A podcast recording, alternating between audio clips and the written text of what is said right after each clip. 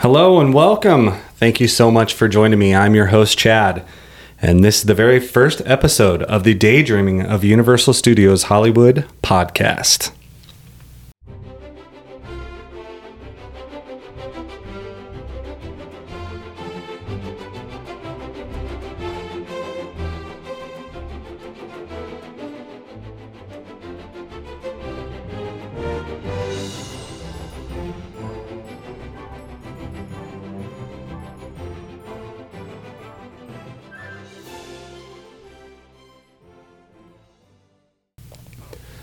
I've been wanting to do this one for a while now. Um, I love Universal Studios Hollywood. I love it a lot. Um, but I'm going to get into a little bit of background and then I'll kind of talk about what this podcast is going to look like. And, you know, hopefully we'll grow and, and, um, we'll see where this goes. So you can listen right now on Spotify and Anchor. We'll get more going shortly. And then there is a Facebook page. And once again, it's called Daydreaming of Universal Studios Hollywood Podcast. And that is what this podcast is all going to be about. Nothing else. Um, so, a little bit of background as to why I'm doing this. So, first of all, I love Harry Potter. About, I'd say, 2011 my wife and I, we went to Universal Studios Orlando for the first time and kind of fell in love with that world. And then I started listening to uh, a podcast that has now turned out to be one of my favorite podcasts, and I love it. It's called the UUOP. So it's the unofficial Universal Orlando podcast. And um, I started listening to it, and I really like what those guys were doing, and it's just something that I'm really passionate about. I have two children. I have two daughters and then my lovely wife, and they will be on the show too. So, a little bit of background as far as the first time I went to Universal Studios Hollywood, it was back in 1997. It was for a trip for my brother in law and my wife, and it happened to be her right before her 21st birthday.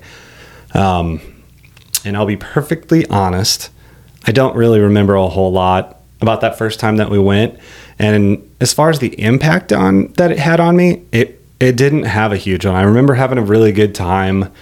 Uh, I do remember the Back to the Future ride before they got rid of it. I can remember Backdraft. Um, definitely remember ET. Rest in peace. Um, I wish they wouldn't have gotten rid of that at that park, but uh, I guess I understand. It's a smaller park, and I and I remember Jurassic Park the ride. You know, now it's obviously a lot better ride in my opinion. And um, but I remember those rides, and I remember that being there with my family and going up and down the escalators and thinking it was cool, but didn't you have a huge impact on me. And that, but that was the first time that I went to this park. Um, and then we went again. The next time wasn't until 2016. So the main reason we were going, we had children at that point, and our daughters were three and four we uh, we took one day at Disneyland actually, and then the next day we we made the trip up to Universal Studios. Now I will say we we didn't plan it well, um, and that's part of what I think is cool about podcasts like this is. I want to have information that's going to help you and it's going to make your trip more enjoyable. Give you some things that we've done that have been good, some and some bad. You know, we want to kind of give some reviews like that, and that's what I got from the UUOP, and that's what I hope in in this podcast here. So, in 2016, like I said, we went to that other place, and this is not to knock on Disneyland at all. Disneyland has lots to offer too. My family is just more into Universal Studios. So that year in 2016 my main takeaway from it was going to Hogsmeade and how much we all enjoyed that. Unfortunately, my daughters don't really remember that because of their age. Understand. So, those were the first two times that I went there. And then we just went this last August. That is when we really fell in love with this particular park. And I will say, I know I make a lot of references to Orlando because we have been to Orlando two times in the last two years. But this last trip, in August when we went to Universal Studios Hollywood, we realized how much we respected that park. The main reason is because it, it felt so much more intimate to us. You know, the park is a lot smaller, which is kind of nice. It could be a pain, I'm sure, a lot of times with the crowds. But where we had just went from two parks that you're walking crazy, crazy amounts to, and then going to USH to where it was doable. Like you could do the park in a day. I feel like you need more than a day, but you could do it. You know, it was obtainable and the walking distances were so much better, you know, in that trip. And we will have a couple trip reports from that. So I'm not going to go into detail too much, but we just really loved it there. And we're already planning another trip back.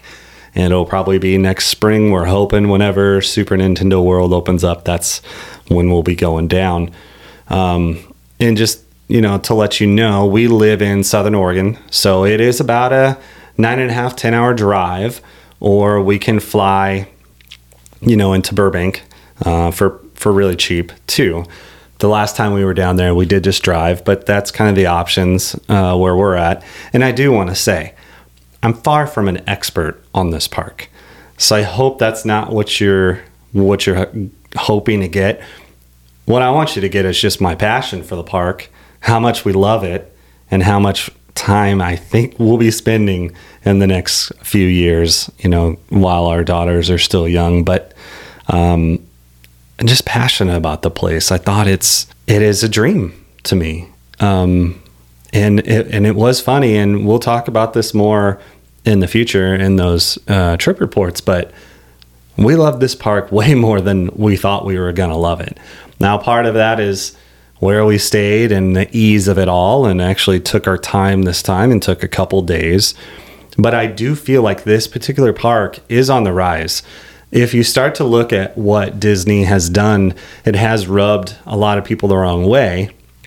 And if you start to look like the stats in Florida, you know, Universal Studios is on the rise. And and I think that Universal Studios Hollywood is going to be on the rise too for a couple different reasons, maybe even more. But number one being Super Nintendo World coming. Uh, man, this is going to be a, a, a fantastic land. I can't wait to see it. I know my daughters are going to love it, and I think it's going to bring in a totally new crowd um, of people that are interested. Just like, I don't know if it'll have the same impact like Harry Potter had, but maybe.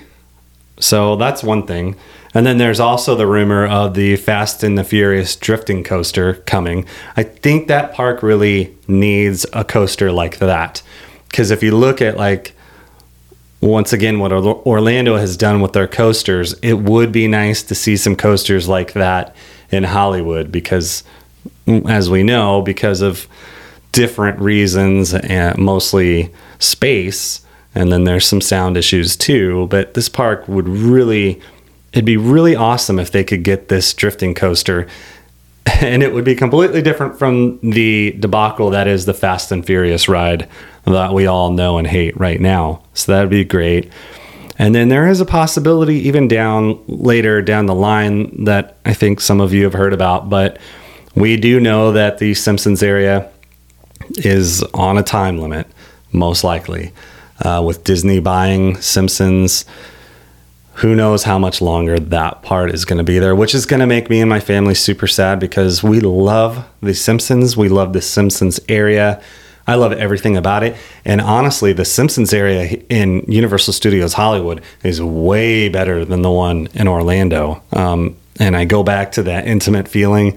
Uh, this one just this really pulls at the heartstrings if you're a Simpsons fan. Um, and and I think some of the rumors, like I've heard, and I think a lot of you have read, is it could possibly be Diagon Alley. Well, if you're listening right now and you haven't seen Diagon Alley in Orlando, it's amazing. It's immersive. And I think that if we were going to have to replace the Simpsons land in Hollywood with something, that would be pretty incredible. Um, I don't know if they would have enough space to connect the two lands with the Hogwarts Express, but who knows? Um, and I am a gigantic Harry Potter fan. I have a Harry Potter tattoo, as does my wife. So, yeah, I would love it for this park. I think that would be really cool. Um, so, yeah, just some things to expect and what some of my goals are with this podcast. I have no idea. I have no idea if anybody's going to like it and want to listen going forward, but you know, I want to have um, news. So I would like to, for those of you who would rather listen to it on a podcast instead of reading articles, I would like to try to find some articles and news uh, about the parks. Um, I want to give trip reports. Not only our trip reports, but there's a lot of my friends and family and acquaintances that drive down to Universal, and I'm trying to get more of them to go to Universal.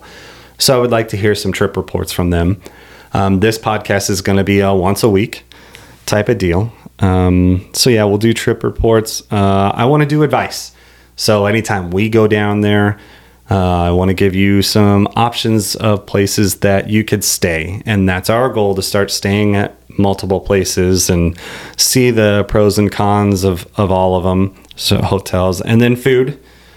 Uh, we we've eaten it quite a bit the last trip, and we're going to continue to do that.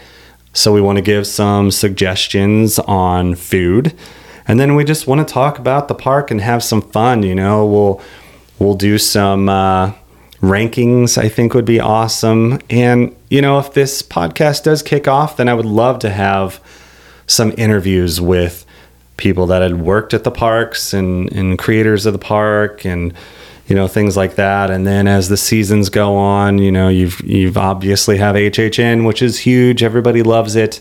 And there's the wintertime stuff. Um, so yeah i would just love to talk about all of that and all things universal studios hollywood.